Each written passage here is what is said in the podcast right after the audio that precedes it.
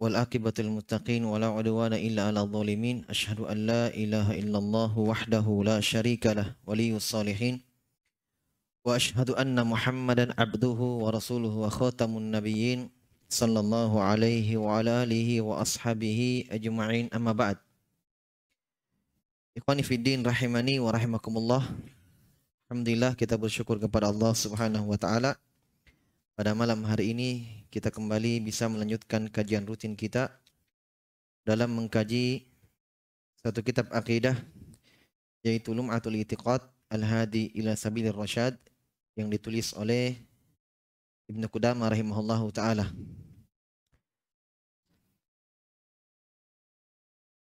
Kita telah sampai pada ucapan beliau rahimahullahu taala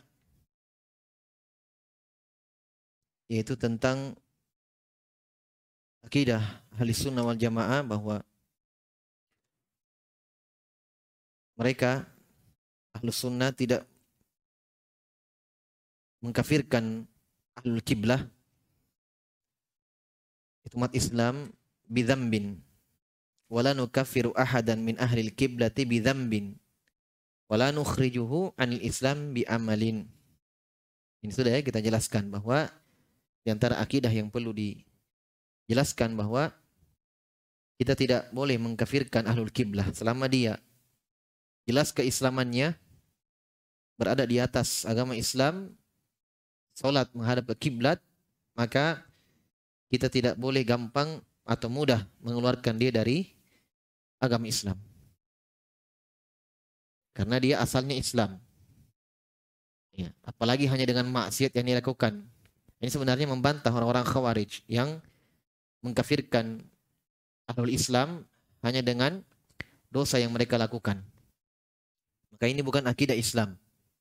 Ya, akidah orang-orang khawarij ini bukan akidah Islam.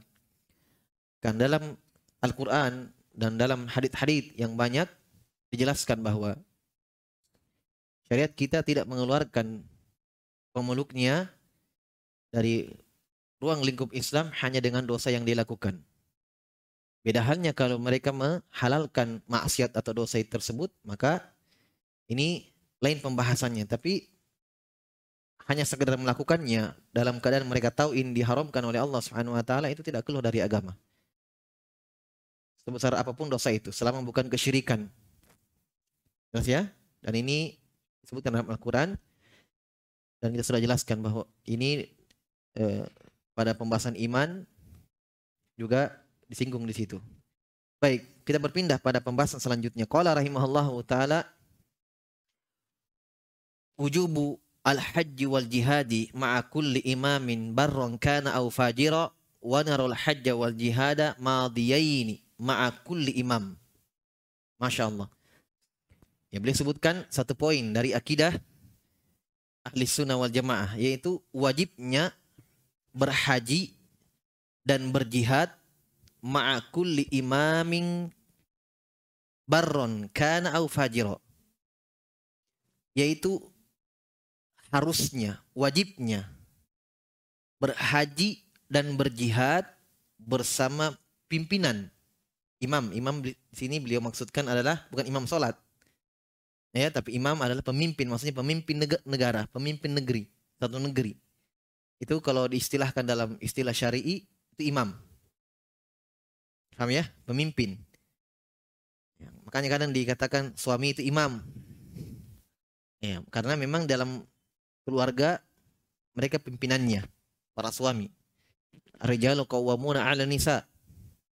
Para laki-laki itu adalah qawwamun. Penegak. Ya pimpinan para perempuan. Jelas ya? Makanya dikatakan imam dalam istilah syariat. Nah, imam di sini beliau maksud adalah pimpinan negara.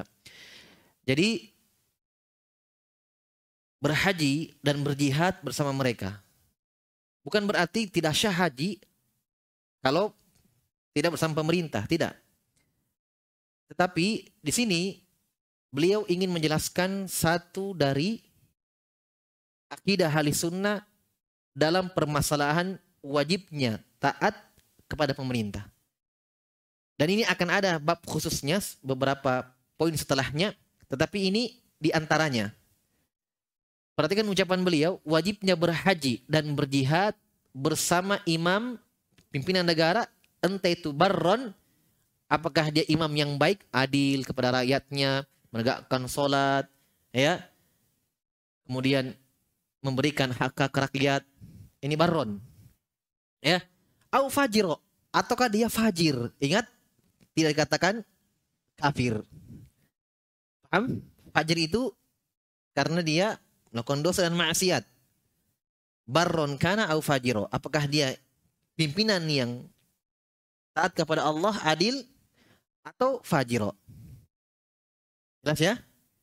Nah, karena sebagian orang sebagian orang khususnya orang-orang Khawarij dan Mu'tazilah mereka menganggap bahwa ketika pemerintah itu sudah melakukan dosa dan maksiat maka la ta'ah tidak ada taat Paham?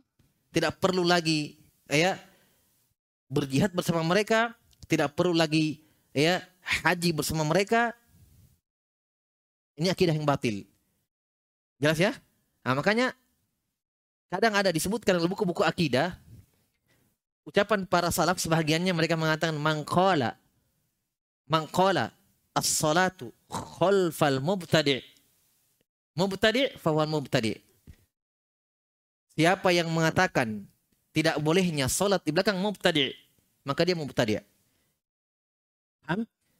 Siapa yang mengatakan sholat di belakang ahlul bid'ah itu tidak boleh, maka dia ahlul bid'ah. Kenapa? Karena ahli sunnah wal jamaah tidak ya mengeluarkan ahlul bid'ah dari Islam. Karena tidak semua bid'ah yang mengeluarkan dari Islam. Asalnya dia Islam, Apakah langsung dikeluarkan dari agama Islam hanya melakukan satu bid'ah, dua bid'ah, tiga bid'ah?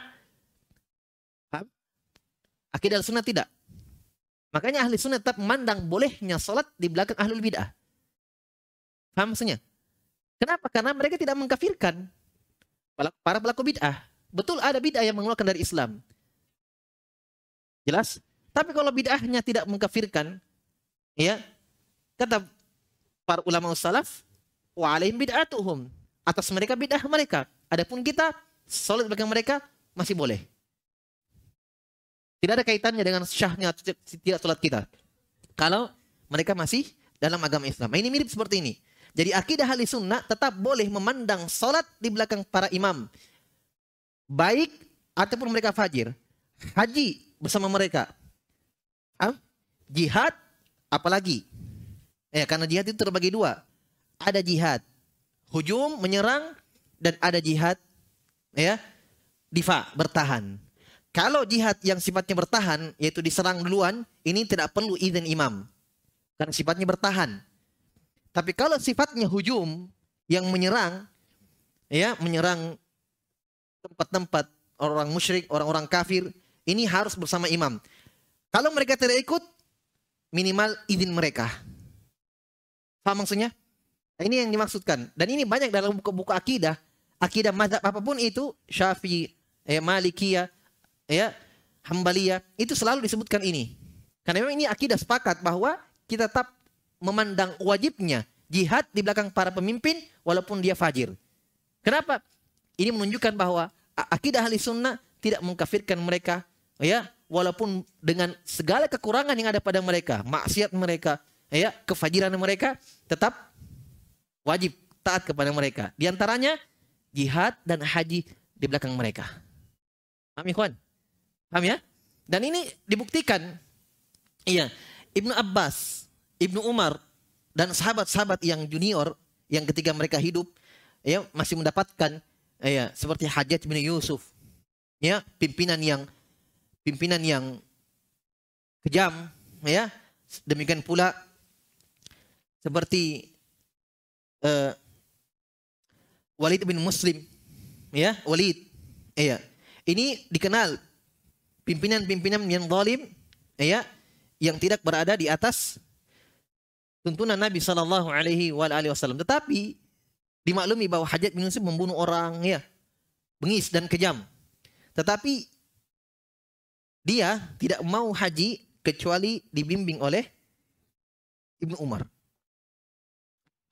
Maka sahabat yang ikut, yang lain yang masih hidup pada waktu itu, haji di belakang Hajat bin Yusuf. Padahal ini diketahui ya, siapa yang tidak kenal Hajat bin Yusuf. Ya kalau dia mau bunuh orang, dia bunuh orang. Kalau dia mau tumpahkan darahnya orang, dia tumpahkan darahnya orang. Sampai seorang tabi'in, diriwayatkan oleh Mungko dalam sahihnya, dan Anas bin Malik pada waktu itu masih hidup. Ya, para murid-muridnya sahabat tabi'in datang mengeluhkan kepada Anas bin Malik tentang perbuatan Hajat bin Yusuf. Dia pimpinan pada waktu itu. Perhatikan ya. Dipimpin oleh seorang eh, yang zalim. Maka murid-muridnya sahabat datang kepada Anas bin Malik mengeluhkan apakah kami memberontak dan semisal itu. Apa kata Anas bin Malik? Isbiru hatta talqauni alal haud sami'tu min nabiyikum. Kata Anas bin Malik sabar. Jangan memberontak, sabar. Bagaimanapun kezalimannya, sabar sampai kalian berjumpa denganku di telagaku, saya dengarkan ucapan ini dari Nabi kalian. Ini Nabi sudah meninggal ini. Dikeluarkan kisah ini dalam Sahih Bukhari. Sahih hadis uh, kisah ini. Atar ini. Jadi Anas bin Malik mengingatkan murid-muridnya, karena kalian tidak bertemu dengan Nabi SAW, kami bertemu dengan Nabi. Ini yang Nabi wasiatkan kepada kami. Isbiru hatta talqoni alal haud. Sami'tu min nabiyikum. Beliau sandarkan dari Nabi. Sabarlah kalian sampai kalian berjumpa di telagaku, saya dengarkan ucapan ini dari Nabi kalian. Maka mereka pada waktu itu bersabar.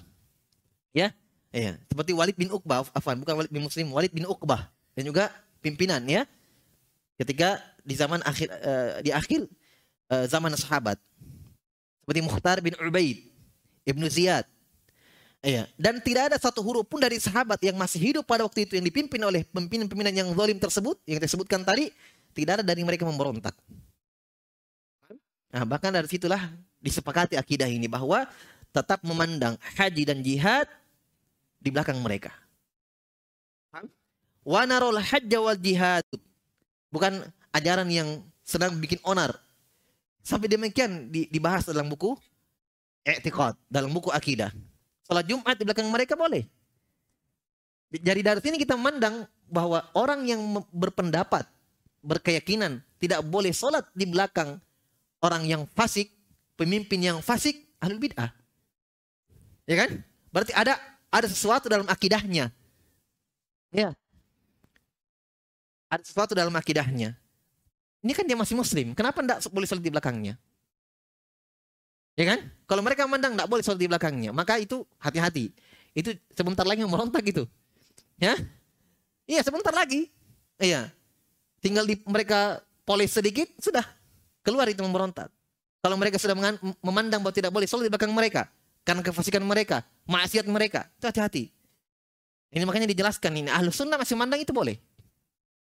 Ya, makanya ketika Nabi menjelaskan ya para sahabat dalam sebuah hadis yang sahih, Nabi menjelaskan kalian akan mendapatkan pemerintah pimpinan-pimpinan ya yang zalim. Ya. Dan ini banyak hadis yang menjelaskan itu. Seperti bagaimana dalam hadis Nabi SAW mengatakan ya sinfan min ahli nar lam arahuma. Ada dua penghuni neraka yang saya tidak pernah lihat mereka ada dua jenis penghuni neraka yang saya tidak pernah lihat mereka yang pertama kaumun ma'ahum siatun satu kaum yang bersama mereka ada cambuk-cambuk dan memukul punggung-punggung manusia yang kedua nisaun kasiyatun ariyatun mumilatun. Yang kedua adalah perempuan yang berpakaian tapi telanjang. Yang pertama ini kaum yang memegang cambuk dan mencambuk punggung-punggung manusia dijelaskan oleh para ulama dia adalah pimpinan-pimpinan yang zalim. Saya ulangi, dia adalah pimpinan pimpinan negara yang zalim. Ini tidak ada di zaman Nabi. Nah, sepeninggal Nabi bermunculanlah seperti Hajat bin Yusuf, Walid bin Uqbah dan yang lainnya. Jelas ya? Nah, dalam hadis yang lain, Nabi jelaskan akan ada pemimpinan yang seperti ini. Nabi rinci. Apa kata sahabat? Ya Rasulullah, afala nunabidhuhum? Kalau kami dapatkan pimpinan yang seperti ini, apakah kita berontak kepada mereka? Ya, kalau kita bahasa ya, bahasa bebasnya, kita hancurkan mereka, kita bongkar semuanya, nunabid. Berperang? Kata la ma sallau La, ma sallau. Subhanallah. Kata Nabi SAW, jangan. Setelah mereka masih sholat, setelah dua kali, setelah mereka masih sholat. Walaupun mereka melakukan kezaliman, ambil harta rakyatnya, apa yang mereka lakukan? Jangan berontak. Jelas ya? Masallahu, selama mereka masih sholat. Ya, dalam hadis Ubadah bin Samit, Nabi mengatakan, iya, kata Ubadah bin Samit, bayakna Rasulullah sallallahu alaihi wasallam ala sami' wa ta'ah fi mansyatina wa makrahina. Kami bayat Nabi sallam, saya membayat janji setia untuk ikut dan taat dalam keadaan kami susah atau dalam keadaan kami senang. Iya. Dalam kami bahagia, dalam keadaan kami bahagia atau sengsara. Kami bayat Nabi Sallallahu Alaihi wa ala alihi wasallam. Iya. Kemudian dijelaskan di situ dalam hadits Ubadah bin Samit radhiyallahu taala anhu, iya. Dan kami membayat Nabi sallam tidak memberontak, keluar ke, mencabut ketaatan kepada beliau sallallahu alaihi wa alihi wasallam. Dan masih banyak hadits-hadits yang menjelaskan akan hal itu. Iya, kata Nabi sallallahu ya man uh, man kharaja an sultani shibran famata alaihi famata mitatan jahiliyah. Kata Nabi SAW, siapa yang mencabut ketaatan kepada pemerintahnya satu jengkal saja, kemudian dia meninggal di atasnya, famata mitatan jahiliyah. Maka meninggal meninggal dalam keadaan bangkai jahiliyah. Ya, bangkainya jahiliyah. Kenapa? Karena itu perbuatan jahiliyah. Perbuatan jahiliyah dan meninggal di atas keyakinan itu. Jelas ya? perbuatan orang-orang jahiliyah di antara sifat mereka yang mereka berada di atasnya berpecah belah. Ya. Kotak-kotak. Makanya dilarang dalam Al-Qur'an, "Wala takum minal musyrikina kalladzina farraqu dinahum wa kanu syi'a." Kullu bima ladaihim farihum dalam ayat yang lain. Jangan kalian menjadi orang-orang musyrikin. Seperti orang-orang musyrikin yang memecah belah agama mereka. Dan mereka setiap dalam kelompok mereka mereka merasa bangga dan benar kepada kelompok mereka masing-masing. Ini ciri-ciri orang kebiasaan orang-orang musyrikin di zaman jahiliyah. Makanya Islam datang mengajarkan persatuan. Wa atasimu bihablillahi jamin wa la. Berpegang teguhlah kalian dengan tali agama Allah Subhanahu wa taala wa la tafarraqu. Ya ayyuhalladzina amanu atiullaha wa atiur rasul wa ulil amri minkum. Wahai orang-orang yang beriman, taatlah kepada Allah, taatlah kepada Rasul dan pimpinan-pimpinan kalian. Pimpinan-pimpinan kalian. Ketika Allah perintahkan taatlah kepada Allah pakai kata atiu, wa atiur rasulah pakai kata atiu, taatlah. Ketika taat kepada pemerintah langsung pakai waw saja, wa ulil amri minkum. Ini menjelaskan bahwa taat kepada Allah mutlak. Tidak ada pengecualian kalau begini taat kalau ini tidak. Taat kepada Rasul juga mutlak. Tidak ada pengecualian. Taat kepada pemerintah itu ada pengecualiannya. Ya, kalau perintah yang mereka perintahkan kepada kita tidak bertentangan dengan perintah Allah dan Rasulnya. Kalau keluar dari perintah ya, Allah dan Rasulnya, menyelisih syariat Allah dan Rasulnya, la ta'ah. Tidak ada ketaatan kepada mereka. La ta'ata li makhlukin fi ma'siyatin al-khaliq. Tidak ada taat kepada makhluk dalam bermaksiat kepada Allah Subhanahu wa taala. Jelas ya? Ini termasuk bagiannya. Nanti akan disebutkan lagi uh, dalam bab tentang hukum taat kepada pemerintah.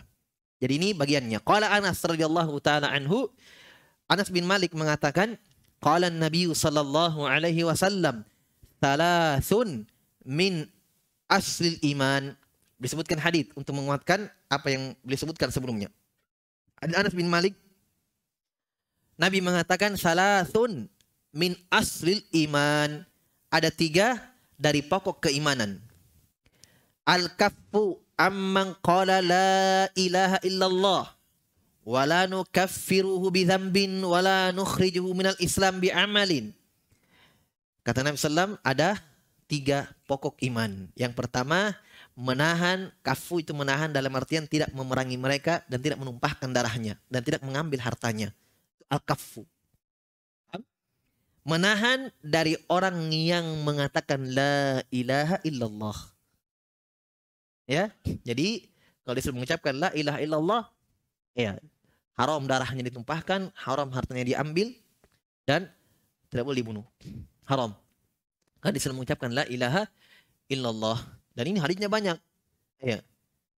Ketika Muad bin diutus ke Yaman, kata Nabi sallallahu alaihi wasallam, "Innaka ta'ti qauman min ahlul kitab falyakun awwala ma tad'uhum ilaihim syahadatu an la ilaha illallah." Muat ketika diutus ke Yaman diantar oleh Nabi SAW. Diberikan wijangan-wijangan sebelum ke, Yaman. Kata Nabi SAW, wahai Mu'ad, kamu akan mendatangi tempat yang di situ banyak ahlul kitab. Yahudi dan Nasrani. Maka yang paling pertama engkau ajak mereka adalah mengucapkan la ilaha illallah. Jelas ya? Kenapa? Karena kalau sudah ucapkan ini selesai. Islam sudah.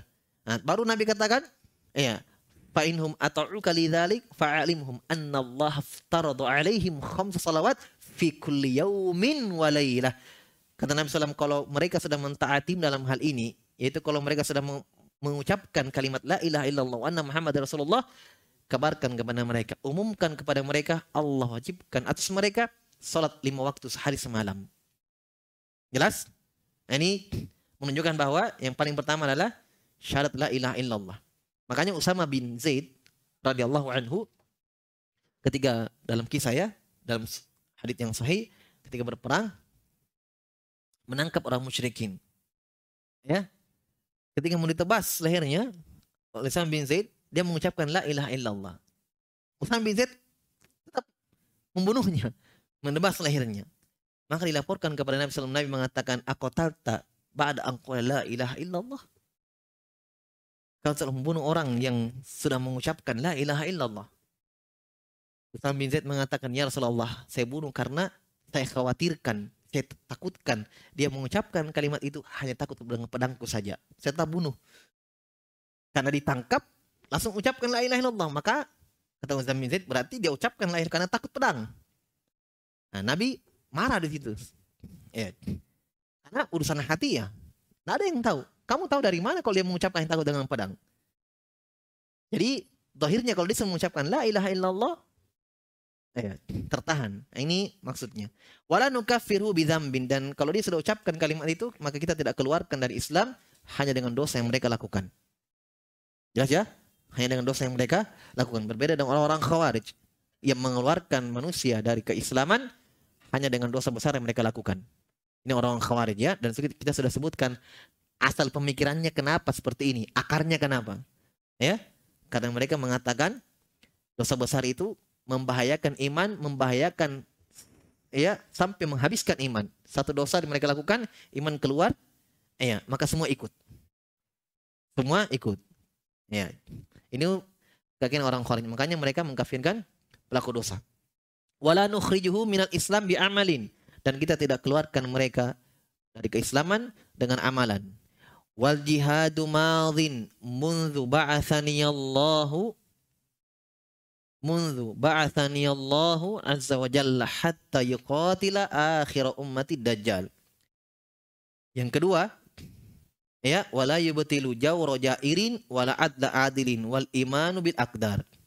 Jadi yang pertama yang dalam hadis ini Nabi mengatakan ada tiga pokok iman. Yang pertama menahan orang yang mengucapkan la ilaha illallah dan tidak mengeluarkannya dengan dosa dan tidak mengeluarkan dari Islam hanya dengan amalan. Yang kedua, jihad itu telah berlalu hukumnya. Maksudnya akan terus ada sampai pada hari kiamat semenjak ya Allah mengutusku sampai akan berperang umatku di akhir zaman memerangi Dajjal.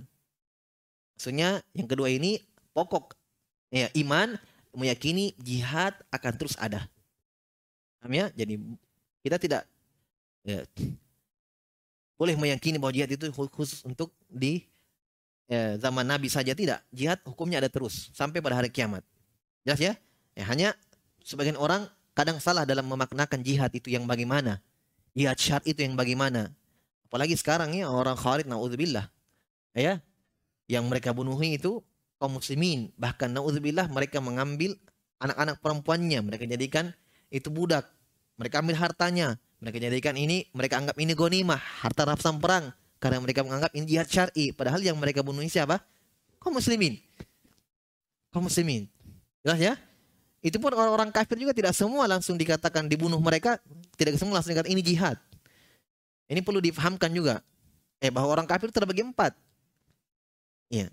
Tiga tidak boleh dibunuh, satu boleh dibunuh. Ada namanya kafir zimmi. Ya, kafir zimmi ini adalah kafir yang ya, tinggal di negara kaum muslimin, di negeri kaum muslimin yang mereka taat dan patuh kepada pemerintah kaum muslimin ya dan mereka membayar upeti. Membayar eh, ya, pajak, membayar upeti. Ini tidak boleh dibunuh, zimmi. Inilah keadaan orang-orang Nasrani di negara kita dan di luar dari Islam. Tidak boleh dibunuhi. Paham? Yang kedua ada namanya kafir musta'man. Kafir musta'man ini orang kafir yang tinggal di, di, di luar negeri kita. Ya, tapi sudah mengadakan perjanjian dengan negeri kaum muslimin untuk tidak saling berperang. Paham? Ketika mereka masuk ke dalam negeri kita, mereka tidak boleh dibunuh karena sudah menjalin perjanjian untuk tidak saling berperang. Ada namanya kafir muahad. Kalau kafir mustaman, kafir yang uh, kafir mustaman, kafir yang datang ya masuk ke dalam negeri kita. Diberikan jaminan keamanan. Mereka masuk di stempel paspornya itu jaminan keamanan sudah. Ini kafir mustaman namanya. Kafir mu, yang ketiga kafir muahad. Kafir muahad itu yang tadi yang sudah mengadakan perjanjian dengan negeri kaum muslimin untuk tidak saling berperang. Ini tidak boleh dibunuh. Yang keempat kafir harbi. Kafir harbi itu kafir yang memberontak. Ya, kafir yang memberontak. Ya, yang membunuh kaum muslimin, memerangi kaum muslimin, mem memerangi negeri kaum muslimin. Nah, ini di ya boleh diperangi. Itu pun dengan syarat-syarat yang tadi. Ya. Paham maksudnya? Kalau ini yang berperang, kalau pemerintah mengatakan perangi mereka, nah ini jihad. Apa maksudnya? Jihad itu harus dengan pemerintah. Itu akidah sudah tadi kita bahas, akidah kaum muslimin, akidah ahli sunnah wal jamaah. Nah, makanya kita tanya mereka-mereka ini yang berjihad. Yang sembunyi-sembunyi meledak aksi-aksi peledakan sana sini. Jihad katanya. Jihad yang mana kalian katakan? Jihad ada dua. Jihad bertahan, jihad menyerang. Paham? Kalau jihad bertahan kan tidak mungkin. Ya kan? Mereka bukan bertahan menyerang itu. Oke, berarti tinggal satu. Ini dia. Jihad menyerang. Jihad menyerang ada syarat-syaratnya. Pertama, punya pemimpin. Ini sudah gugur mereka. Ada pemimpinannya? Ada. Pimpinan negara tidak ada. Kedua, ada daerah kekuasaan. Ada daerah kekuasaan? Tidak ada. Tinggal di negara kaum muslimin. Sembunyi-sembunyi. Iya, bikin negara di bawah tanah. Iya, menyamar sana sini, sembunyi. Mana ada seperti itu? Jelas ya? Ya. Yang harusnya mereka lakukan adalah ketika mereka memandang negeri ini semua kafir, pemerintahnya sampai tukang sapunya pemerintahan kafir, harusnya mereka lakukan keluar dari sini. Berarti kalian sudah wajib hijrah. Ya kan? Kan tidak boleh tinggal di, di negeri kafir. Kalian sudah kafirkan pemerintah, ini negeri-negeri kafir, harus keluar dong. Cari negeri yang kalian anggap Islam menurut kalian. Tapi hidup, iya, listriknya negara dia pakai, airnya negara dia pakai, aspalnya negara dia pakai, semua fasilitas umum dari negeri dia pakai. Baru kafirkan orang. Ini namanya kurang ajar. Ya? Harus tinggalin keluar dari sini. Karena kalian sudah mengkafirkan semua manusia. Pemerintah. Iya. Yang lain juga kafir. Kenapa? Membiarkan kemungkaran. Masya Allah. Yang ya, lihat-lihat saja itu juga dianggap bagian dari mereka. Baru tinggal di negaranya kaum muslimin. Jelas ya? Maka ini jihad yang batil. Ini ini baru satu sisi ya kita bahas kebatilan yang mereka anggap jihad. Belum lagi dari sisi mereka ya dari sisi akidah, dari sisi yang lain banyak. Bisa puluhan bahkan lebih mungkin. Itu kesatan orang-orang khawarij ini. Iya. Hanya beda khawarijnya sekarang dengan yang dulu. Nah, ini sekarang neo khawarij. Ya. ya. Sudah parah sekali daripada yang dulu. Difaham ya? Baik. Kemudian yang terakhir kata beliau hatta yuqatilu akhir ummati dajjal. Sampai umatku berperang melawan dajjal di akhir zaman. La yubtilu jawru jairin wala adla adilin. Dan ini tidak dibatilkan hukumnya dengan kesewenang-wenangan orang yang zalim atau keadilan orang yang adil. Maksudnya hukum ini akan tetap berlaku sampai pada hari kiamat tidak akan berubah hukumnya walaupun di negara itu dipimpin oleh pimpinan yang adil atau pimpinan yang zalim. Paham? Bisa dipahami ya? Yang terakhir. Kata Nabi SAW, wal iman bil akdar, beriman kepada takdir. Ini hadisnya lemah ya. Tapi maknanya didukung semuanya dengan hadis-hadis yang lain dalam ter, penyebutan terpisah. Yang boleh sebutkan ya yang pertama menahan dari ucapan la ilaha illallah ini jelas, ma'ruf, hadisnya banyak sekali. Yang kedua tentang jihad itu akan ada tuh sampai pada hari kiamat ini jelas, hadisnya banyak. Ya dalam Al-Qur'an, dalam sunnah.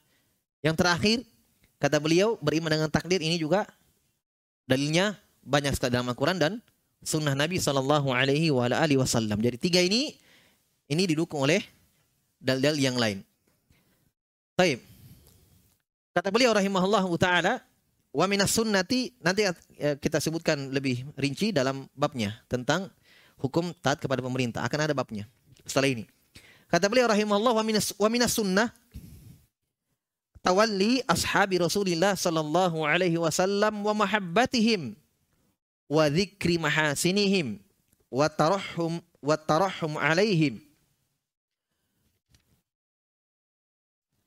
Wal istighfaru lahum wal kafu an dzikri masawiihim wa ma syajara bainahum wa i'tiqadu fadlihim wa ma'rifatu sabiqatihim Allah Ta'ala walladzina ja'u min ba'dihim yaquluna rabbana ighfir lana wa li ikhwanina alladzina sabaquna bil iman wa la taj'al fi qulubina ghillan lil ladzina amanu Al-Hasyr ayat 10 Wa qala Allah Ta'ala Muhammadur Rasulullah walladzina ma'ahu asyidda'u 'alal kuffari ruhama'u bainahum Wa qala Nabi sallallahu alaihi wasallam la tasubbu ashabi Fa inna ahadakum law anfaqa mithla Uhudin dhahaba ma balagha mudda ahadihim wala nasifahu. Baik, setelah beliau menyebutkan bagian satu dari akidah ahli sunnah tentang wajibnya taat kepada pemerintah, beliau berpindah menyebutkan di antara akidah ahli sunnah yaitu tawalli dari kata loyal. Ya, loyal. Ya, memberikan walayah bermakna cinta, ya, mendoakan, mencintai, menyayangi, ini loyal. Ya, bermakna loyalitas, walayah, cinta. Itu di antara akidah ahli sunnah, beliau mengatakan wamina sunnah. Sunnah bermakna apa di sini? Wamina sunnah, dari sunnah, bukan berarti hukumnya sunnah. Bukan itu. Itu minas sunnah, itu dari akidah yang wajib. Paham ya? Karena memang sunnah itu uh, akidah dari di sisi para salaf itu kadang mereka sebut dengan i'tiqad kadang dengan sunnah kadang dengan tauhid. Kan coba lihat buku-buku akidah. Coba lihat. Ya. Misalnya Ibnu Khuzaimah punya kitab kitab tauhid. Kitab tauhid. Ternyata isinya akidah. Tentang surga, tentang neraka, tentang telaga, tentang timbangan, tentang sirot, tentang ya wajib taat kepada pemerintah. Itu semua isinya. Asma wa sifat. Jelas? Kita buat tauhid. Berarti memang di sisi, di sisi para salaf, akidah yang kita artikan sekarang akidah ahli sunnah, akidah muslim, itu kadang mereka namakan dengan tauhid. Walaupun di sisi kita sekarang, tauhid kita lebih khususkan maknanya kan? Begitu ya. Tauhid berarti oh beribadah kepada Allah. Tapi di sisi para salaf tidak. Tauhid semuanya akidah yang benar. Itu tauhid. Karena memang semua ber, bersumber dari tauhid sebenarnya. Keiman kita kepada neraka, keiman kita tentang surga, tentang jembatan, ini kan tauhid. Ya kan? Di antara hal-hal yang menyempurnakan tauhid. Kenapa?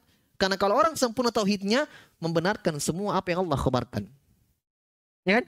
Membenarkan semua apa yang Allah khabarkan.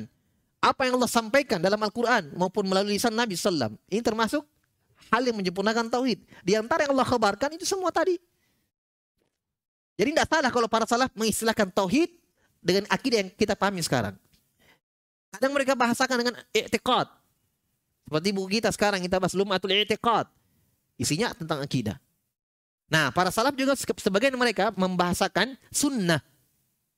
Nah, seperti Imam Ahmad punya kitab akidah usulus sunnah. Landasan landasan sunnah.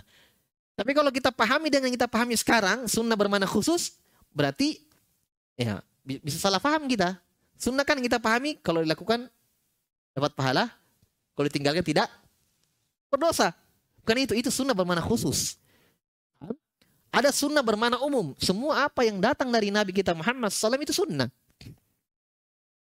Ini kalau ditanya, Ustaz dari mana ini istilah? Iya dari Nabi SAW.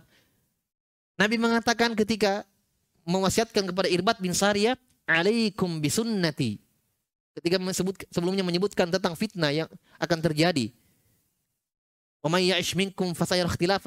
Ya kan? Siapa yang hidup kalian peninggalku nanti akan melihat perselisihan yang banyak.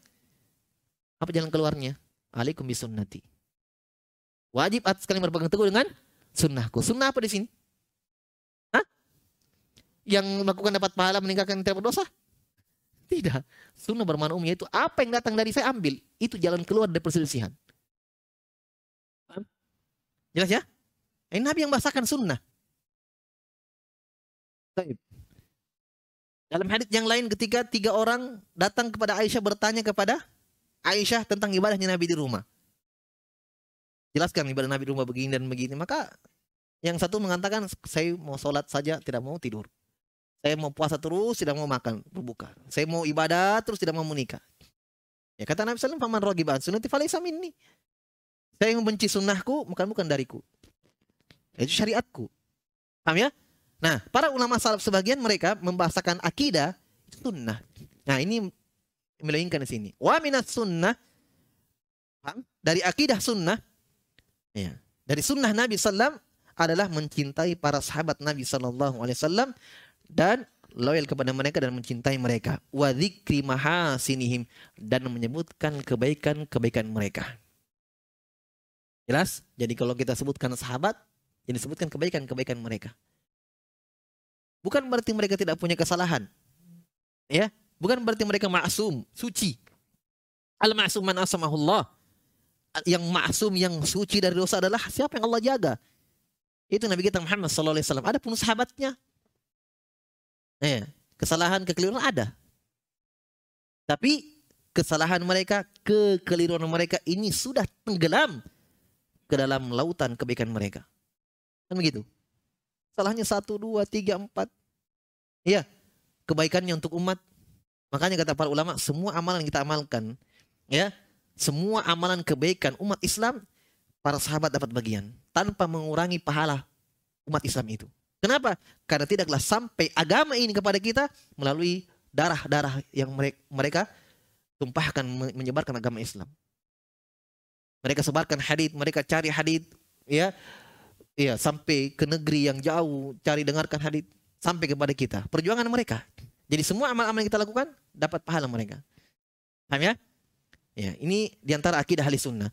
Eh, berarti orang-orang yang kita dapatkan mencela sahabat, ya, bahkan naudzubillah mengkafirkan sahabat ini jelas keluar dari keluar dari apa? Ahli sunnah. Karena ini ciri khas ahli sunnah. Nah, ini orang syiah rafidah. Jadi yang yang uh, menyimpang dari permasalahan sahabat ini ada tiga. Jadi perhatikan baik-baik. Yang pertama ada namanya Syiah Rafidhah. Dan orang-orang yang semisal dengan mereka walaupun mereka pecah-pecah juga tapi intinya sama. Kalau masalah sahabat ya mereka kafirkan sahabat kecuali Ahlul Bait.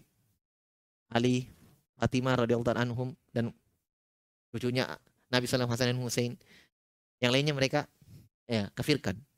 Jelas? Yang kedua, orang-orang khawarij. Nah, lagi-lagi dia ya.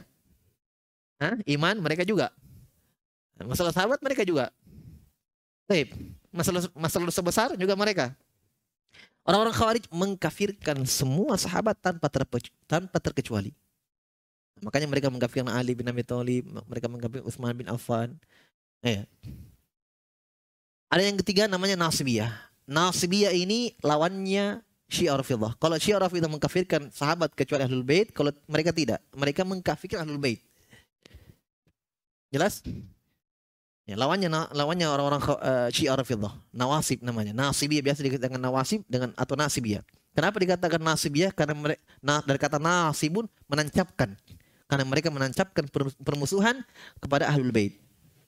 Ini semua tiga kelompok yang tersesat dalam masalah sahabat. Makanya kenapa pembahasan tentang sahabat diangkat dalam buku-buku akidah itu untuk menjelaskan ya prinsip perbedaan dengan mereka. Paham ikhwan? Jelas ya? Jadi kalau antum dapatkan orang yang jahat tulisannya mudah mencela sahabat hati-hati itu. Ya? Dan ini antum kalau mungkin sekarang alhamdulillah jarang dengar ya. Oh kalau di Yaman sana luar biasa. Ya, balik sana Aisyah dicela, balik sini Muawiyah hancur. Ya, Syekh Mukbil itu rahimahullah ketika beliau belajar di Madinah, pulang ke Damaj, ya. Kata guru-guru kita dulu, beliau datang ke kampungnya seorang diri, ya. Balik kanan celah Aisyah Muawiyah, balik kiri ya, mencela Abu Bakar, Umar, Utsman. Ya, penuh dengan Syiah di situ. Subhanallah. Tapi beliau berdakwah satu demi satu menyebarkan sunnah. Maka tersebarlah sunnah di, di bagian utara Yaman. Bahkan sampai hari ini ya negeri Yaman itu merupakan athar dan dakwah dari beliau rahimahullah setelah taufik dari Allah Subhanahu wa taala. Baik. Itu di sana banyak. Memang sana orang Syiah banyak ya. Yang mencela sahabat, mencela ini. Bahkan di ibu kota Yaman itu subhanallah kita dapatkan masa-masa seperti ini. Dilarang salat salat tarawih, tidak ada boleh masjid yang buka. Kenapa? Tidak boleh salat tarawih. Ini ya Uthman bin Affan yang hidupkan ini sunnah. Kafir Uthman. Ya, oh tidak ada orang di sana subhanallah. Salat tarawih sembunyi-sembunyi. Kalau didapat karena mereka yang berkuasa di sana. Boleh ada buka masjid yang buka. Ya, untuk salat tarawih. Tutup. Ya. Seperti itu. Ya. Sampai dulu ada teman orang Indonesia, dia bawa anak dan istrinya. Nah, namanya anaknya Muawiyah.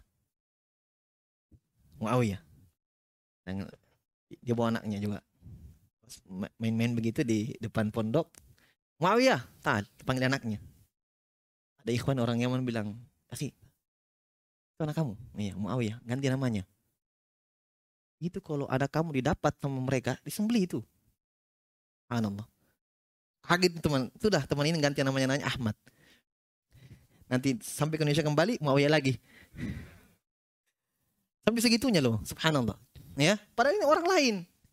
Tapi karena saking bencinya mereka dengan nama itu, nggak boleh dengar nama-nama itu. Ya, jelas ya? Ini akidah mereka. Ini akidah ahli sunnah. Jadi menyebutkan kebaikan-kebaikan mereka dan ini ayatnya masya Allah dalam Al-Quran banyak sekali. Dalam Al-Quran kata Allah Subhanahu wa taala lil fuqara'i al muhajirin alladzina ukhriju min diyarihim wa amwalihim yabtaguna fadlan min Allah wa ridwana wa yansuruna Allah wa rasulahu ulaika humus shadiqun. Ini orang-orang muhajirin, subhanallah ya, para sahabat. Makanya dalam Al-Quran ya kawan, itu para sahabat itu disebutkan semua keutamaannya. Semua keutamaannya. Ya, bukan apakah mereka tidak punya kebaikan, tidak punya kesalahan-kesalahan ada, tapi Allah dalam Al-Qur'an menyebutkan kebaikan sahabat semuanya. Pujian-pujian. Radhiyallahu anhu maradu anhu, radhiyallahu maradu anhu. Berapa kali dulu dalam Al-Qur'an? Sekarang kan tidak ada kesalahannya. Ada kesalahannya, tapi itu kan pelajaran bagi kita bahwa memang sahabat hak mereka itu serahkan hak mereka bahwa disebutkan kebaikannya. Karena Allah saja menyebutkan kebaikan mereka dalam Al-Qur'an. Nah, kita ya kan? kita lebih harus lagi menyebutkan kebaikan-kebaikan sahabat. Jelas ya? As-sabiqun al-awwaluna minal muhajirin wal ansar walladzina tamum bi ihsan radhiyallahu anhum radu anhu. Ya. Orang-orang yang dahulu masih Islam, orang-orang muhajirin dan ansar di Madinah dan orang-orang yang mengikuti mereka dengan baik. Allah ridho kepada mereka, mereka ridho kepada Allah Subhanahu wa taala. Ya. Nabi pernah di luar malam hari melihat bintang. Kemudian Nabi mengatakan An-nujum amanatun lisama. Fa idza dhahabatin nujum atas sama ama tuat. Bintang ini adalah penjaga dan penyeimbang untuk langit. Kalau bintang ini sudah tidak ada, maka langit akan datang untuknya apa yang Allah janjikan berubah kiamat terbelah. Makanya dalam Al-Qur'an wa idza nujumu tumisat. Ketika bintang itu sudah dihambur-hamburkan oleh Allah Subhanahu wa taala itu kiamat. Makanya selama ada bintang ya penjaga. Kata, kata Nabi SAW, wa ana amanatun li ashabi. Dan saya adalah penjaga untuk umatku. Penyeimbang untuk sahabatku. Penjaga ya di tengah-tengah sahabatku. Fa'idha dhahabtu. Kalau saya tidak ada, ata ashabi mayu adun akan datang untuk sahabatku apa yang Allah janjikan untuk mereka. Itu berupa perselisihan. Makanya ketika Nabi meninggal, oh banyak murtad. Ya, sahabat berselisih. Ya. Tapi ketika Nabi masih hidup tidak ada perselisihan. Ada perselisihan langsung dihukumi oleh Nabi. Ini yang benar, ini yang salah. Yang salah bertobat. Jelas ya? Wa ashabi amanatun li ummati. Kata Nabi SAW, dan sahabatku adalah penjaga dan penyeimbang untuk umatku. Fa'idha zahaba ashabi. Kalau sahabatku sudah tiada. Ata ummati ma yu'adun. Akan datang kepada umatku apa yang Allah janjikan untuk mereka. Berupa fitnah bid'ah muncul. Bid, muncullah khawarij, muncullah qadariyah, mu'tazilah, asyar. Muncul semua yang hancur-hancur. Tidak ada di zaman sahabat ini. Ketika sahabat meninggal sudah muncul bidah. Muncul Qadariyah awal-awal ya, ketika sahabat masih hidup. Beberapa orang sahabat junior masih hidup. Ibnu Umar, Ibnu Abbas masih hidup. Ya, sampai Ibnu Umar ketemu dengan orang yang seperti ini. Ya, murid Ibnu Umar mengkhabarkan ya Ibnu Umar saya ketemu orang yang tidak beriman kepada takdir. Kata Ibnu Umar sampaikan kepada mereka. Nabi dan saya berlepas diri dari mereka. Mereka tidak akan diterima sedekah mereka walaupun mereka berinfak sebesar gunung dari emas sampai mereka beriman kepada takdir. Ini muncul ini. Qadariyah. Nah, Mu'tazilah, Asy'ari di situ semuanya. Jelas ya? Baik. Ini akidah ahli sunnah tentang sahabat. Beliau sebutkan haditnya. Wa tarahum mendoakan rahmat atas mereka. Istighfar lahum memintakan ampunan kepada mereka. Ya, Wal kafu an dzikri masawim. Masya ini penting. Dan menahan menyebutkan fitnah atau kejelekan yang mereka lakukan. Betul terjadi fitnah. Tapi tidak usah disebutkan. Ya. Fitnah antara peperangan kelompok Muawiyah dan Ali bin Abi Thalib. Tidak usah berdalam-dalam. Oh ini yang salah memang ini. Salah memang ini maunya. Tidak usah. Kita yakini bahwa yang salah dari mereka dapat pala satu, yang benar dapat pala dua. Selesai. Jelas ya? Ada yang terjadi, ada fitnah terjadi antara mereka. Mereka saling berperang. Kelompok Aisyah dan kelompoknya Ali. Ya, dan disebutkan dengan perang Siffin, para sahabat, dua kelompok sahabat saling berperang. Tapi tidak usah kita terlalu ya cari ini yang salah, ini siapa yang salah. Ya, apa juga faedahnya? Jelas ya? Tidak usah ada seperti itu. Jadi tutup, menutup semua ya dosa-dosa atau kesalahan yang mereka lakukan. Wa ma syajara bainahum dan apa perselisihan yang terjadi antara mereka tutup. Ya. Kata beliau wa'tiqadu fadlim dan tetap meyakini tentang keutamaan mereka. Ya. Dan saya sudah sebutkan pendapat Ibnu Hazm rahimahullah. Ya. Walaupun tidak ada mungkin salaf yang mendahuluinya tapi ini pendapat ya perlu diperhatikan. Beliau mengatakan semua sahabat masuk surga ya dengan ayat yang kita sudah sebutkan dalam surah Al-Hadid. Kulan wa'adallahi husna. Semua untuk mereka Allah janjikan surga. Jelas ya? Taib. Wa ma'rifatu sabiqatihim dan kita tetap meyakini mereka terdahulu masuk Islam. Maksudnya mereka me mendahului kita dalam keislaman. Itu kita harus yakini. Taib. Allah berfirman, "Walladzina ja'u min ba'dihim" dan orang-orang yang datang setelah mereka, setelah sahabat Yaquluna mereka katakan Rabbana ya Allah ampunilah kami firlana wal ikhwanina dan orang-orang saudara-saudara kami yang sabakuna bil iman yang telah mendahului kami dalam keimanan. Siapa itu yang maksud? Hah? Para sahabat. Masya Allah ini doa orang-orang yang datang setelah para sahabat. Terkadang Allah perintahkan kita berdoa dengan doa ini. Ya. Kata Allah Subhanahu wa taala, ampunilah kami ya Allah dan saudara-saudara kami yang mendahului kita dalam keimanan wala fi qulubina amanu. Jangan engkau jadikan dalam hati-hati kami ada ghil, hasad dan dengki terhadap mereka. Iya, tentang keutamaannya. Iya. Jelas ya? Taib. Kemudian Allah berfirman juga Muhammad Rasulullah Muhammad adalah utusan Allah Subhanahu wa taala dan orang-orang yang bersamanya, para sahabat ya asyiddau al kufar keras terhadap orang kafir ruhama ubainahum dan mereka saling menyayangi. Ini pujian sahabat. Dalam hadis Nabi mengatakan la tasubu ashabi janganlah kalian mencela sahabatku. Ini juga dalil. Ya jadi cukup boleh sebutkan dua ayat satu hadis cukup mewakili bahwa akidah ahli sunnah mendoakan sahabat dan menyebutkan kebaikan mereka dan menutup ya kejelekan dan fitnah yang terjadi antara mereka. Nabi mengatakan la tasubu ashabi jangan kalian mencela sahabatku.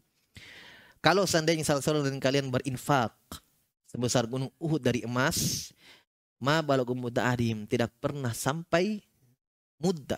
Ini satu mud. Ya, satu mud. Satu mud ini empat kali, empat mud, satu sok. Jadi satu sok, empat mud. Satu sok adalah eh, takaran zakat fitri. Ya kan? So'an min tamar. Sok berapa? Empat kali ini. Ini mud namanya. Jadi empat mud, satu sok. Ini kata Nabi SAW, kalau kalian berinfak sebesar gunung Uhud dari emas, belum sampai satu mutnya mereka. Allah kita sudah berinfak satu gunung, belum sampai satu mut. Bahkan wala nasifahu, tidak setengahnya. Allah, bagaimana keutamanya sahabat dibanding orang-orang yang setelahnya? Ya, ya. Baik. Ini akidah ahli sunnah. Setelahnya beliau sebutkan uh, khusus tentang istri-istri Nabi. Ya, khususkan pembahasannya tentang istri-istri Nabi. Insya Allah kita lanjutkan pada pertemuan selanjutnya. Wallahu a'lam bishawab. Sudah Isya ya? Bagaimana hukum menghadiri tausiah? Tausiah itu apa tausiah? Tausiah ini tausiah ini sekarang. Tausiah itu dari kata Eh wasiyah. Tausiyah. Wasiat. Nah, mungkin takziah ini. Nah, karena memang yang dilema yang lagi apa biasa dipertanyakan itu takziah. Perlu diketahui dulu ya bagi yang bertanya mungkin kata takziah itu bukan taksiyah, za za. Takziah, azza ya uzzu artinya menguatkan. Ya. Kita disunahkan, disyariatkan memberikan kekuatan, bantuan ya bagi orang yang dapat musibah. Bukan cuma orang yang meninggal dapat kecelakaan apa, dia sakit. Jelas ya, ta'ziyah namanya. Azza ya uzzu menguatkan. Dalam Al-Quran, dalam surah Yasin. Ya, ketika kami utus dua orang utusan, kata Allah, fakadzabuhuma fa'azzazna bithalith. Kami utus dua orang Rasul, mereka dustai dua orang ini kata Allah, fa'azzazna bithalith. Kami ta'ziyah, kami azza dengan yang ketiga. Maksudnya apa? Kami kuat? Kami kuat? Kuatkan. Mereka dustakan dua orang, kami utus lagi satu. Fa'azzazna bithalith. Jadi jadi tiga. Itu kalimat ta'ziyah, menguatkan. Maksudnya apa diberikan ta'ziyah orang yang kena musibah, kita kuatkan. Mereka kan sedang di timpa musibah, sedih, nah, dikuatkan hatinya supaya tidak stres, supaya tidak intinya kalau kita bahasakan supaya cepat move on. Ya kan?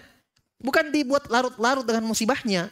Jangankan orang meninggal, orang yang kena musibah saja coba antum lihat doanya, la ba'asah tohur. Ya kan? Tidak mengapa, ini insya Allah tohur pensuci, insya Allah. Ya kan? Itu ada, Masya Allah, iya ya.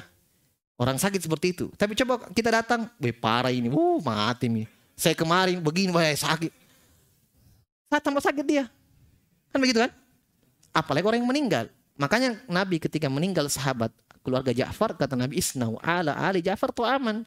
Wahai para sahabat buatkan untuk keluarga Ja'far ini makanan. Ini bentuk takziah, bentuk menguatkan mereka. Kami, kami dapat musibah. Kuatkan dengan harta bantuan. Kan begitu. Itu takziah. Berarti memang Islam asalnya mensyariatkan takziah. Dan ini bukan malam pertama, malam ketiga, malam, bukan. Kapan dengarkan saudara kita tertimpa musibah datangi. Itu takziah namanya. Dat, kita enggak, saya tidak punya harta Ustaz. Enggak apa-apa, datangi dia. Sabar kidi, insya Allah ini ada pahala. Begitu, itu bentuk takziah. Apalagi kalau kita datang bawa harta sambil nasihati. Wah, Masya Allah. Paling dia, wah ini main teman. Wah, Masya Allah. Ya kan? Bukan ketika datang musibah ditinggalkan, ketika dia kaya-kayanya udah dekati. Tapi tidak seperti itu. Syariat nah mengajarkan kita seperti itu. Jadi asalnya syariat mensyariatkan takziah. Hanya permasalahannya ya takziah sekarang disalahartikan. Jelas ya? Bahkan justru keluar dari makna takziah yang sebenarnya. Datang takziah di rumahnya orang, orang yang berduka mengeluarkan makanan. Keluar lagi uangnya. Kita yang habiskan kuenya. Main domino juga di situ. Nah ada keluar dari makna takziah yang sebenarnya. Ini yang boleh difahami sebenarnya. Jadi salah kalau gitu jangan selapi itu menginginkan dar takziah takziah. Eh, jangan dulu. Ya. Alus sudah mengajarkan itu. Jelas ya, disyariatkan bahkan takziah, menguatkan orang yang kena musibah. Hanya sekarang kan sudah bergeser maknanya, bergeser penggunaannya. Jadi jawabannya bagaimana hukum menghadiri takziah? Datangi takziah. Hanya kalau yang dimaknakan yang sekarang ini jangan. Gimana ya? Kumpul-kumpul. Saya bacakan ucapan seorang sahabat. Apa namanya? Dia katakan, kami dulu menganggap ya na'uddu ijtima fi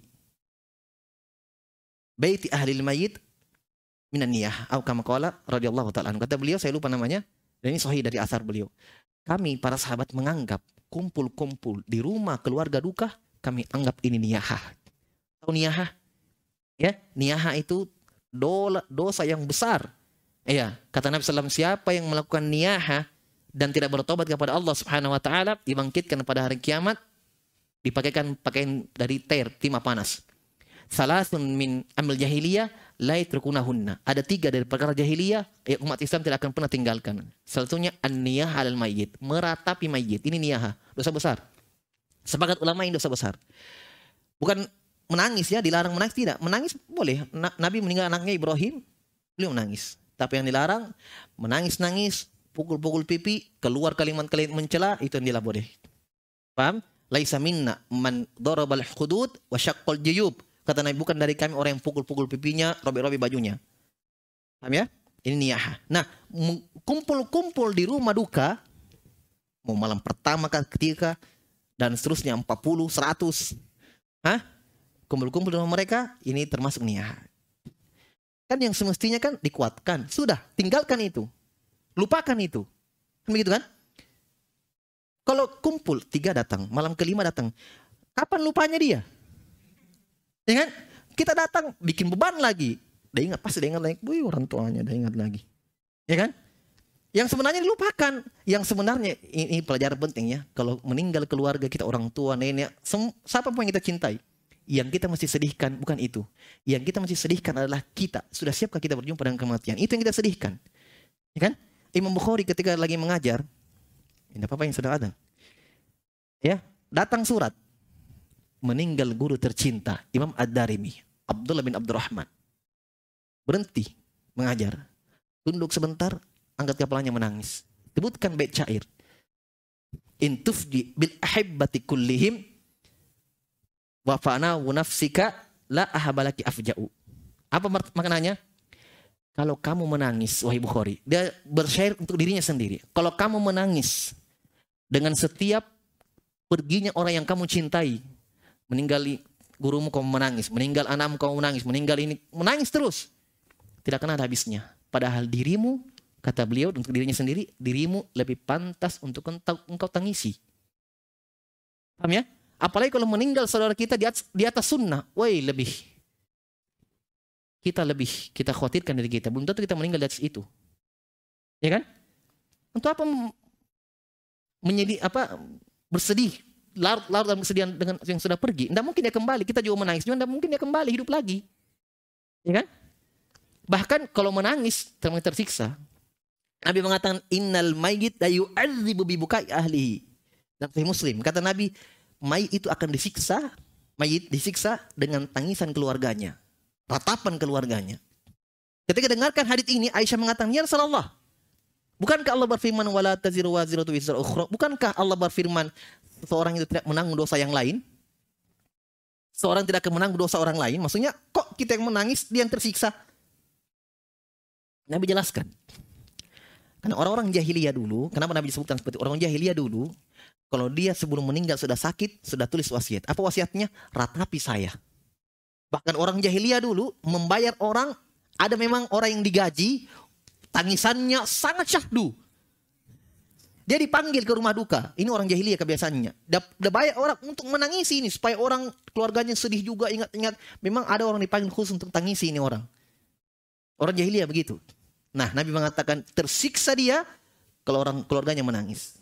Adapun kalau dia sudah tidak ridho dengan itu, dia bilang jangan ratapi saya sudah, tetapi keluarganya tetap menangis dia, sudah lepas dosanya. Paham ya? Ini bahaya orang seperti ini. Meratapi mayit. Nah, kata sahabat, kumpul-kumpul di rumah duka itu termasuk niyaha. Saya habis berjimat dan sudah mandi junub. Apakah boleh saya menurunkan mayat ke liang lahat? Saya menurunkan mayat? Iya, boleh. Tidak ada masalah. Sudah mandi. Apakah berkendara tapi tidak punya SIM atau kendaraan tidak bayar pajak? Apakah termasuk tidak taat pada pemerintah? Menyinggung orang kayaknya ini. SIM, ya, ada pelanggarannya tidak? Nggak ada, ya kan? Tat. Jangan perkara SIM yang lampu merah, lampu hijau itu kalian kalau iya kuning saja kan hati-hati. Kita tidak rapat gas, pol. Pak itu hati-hati, maksudnya siap-siap merah pelan. Kita, kita tidak balap, itu sudah melanggar. Kita kan anggap biasa. Ay, anu saya buru-buru. Eh, padat jadwal. Ta- Tapi itulah manusia, ya. Tapi kalau kita kan pelanggaran, pelanggaran. Nggak pakai helm, pelanggaran. SIM tidak ada, pelanggaran. Tapi kan bukan yang di seluruh kau tidak tahu pemerintah albidah, buat tidak. Iya, sesuai dengan pelanggarannya. Ya. Tapi kalau misalnya pakai helm, kalau di hari Jumat, pisau Jumat, ya biasa, itu diizinkan karena memang Izin itu ada izin syar'i dan ada izin urfi. Seperti misalnya salat Id. Ya kan? Hari raya. Itu kan jamin dosa enggak perlu pakai helm lagi pakai ya. Itu sudah dimaklumi. Hari Id enggak ada. Seperti itu kan? Begitu kan? Iya, itu namanya izin urfi namanya. Izin walaupun tidak lisan dari pemerintah tapi izin secara kebiasaan. Sudah diizinkan.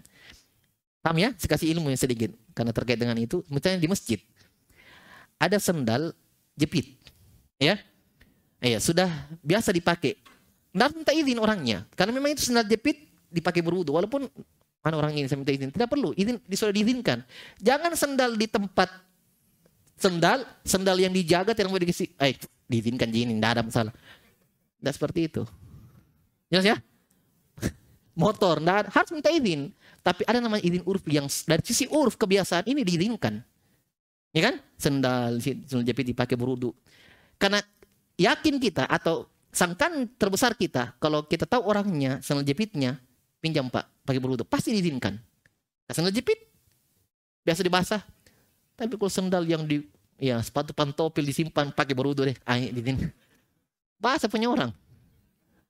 Jelas ya? Nah, ini namanya ada izin urfi namanya. Tapi kalau misalnya SIM apa semua itu enggak harus memang di- dibuat. Ya, enggak ada pemerintah izinkan lain dapat pakai SIM. Enggak ada pernah pemerintah ya kalau ahli sunnah enggak pakai SIM. Enggak ada semuanya.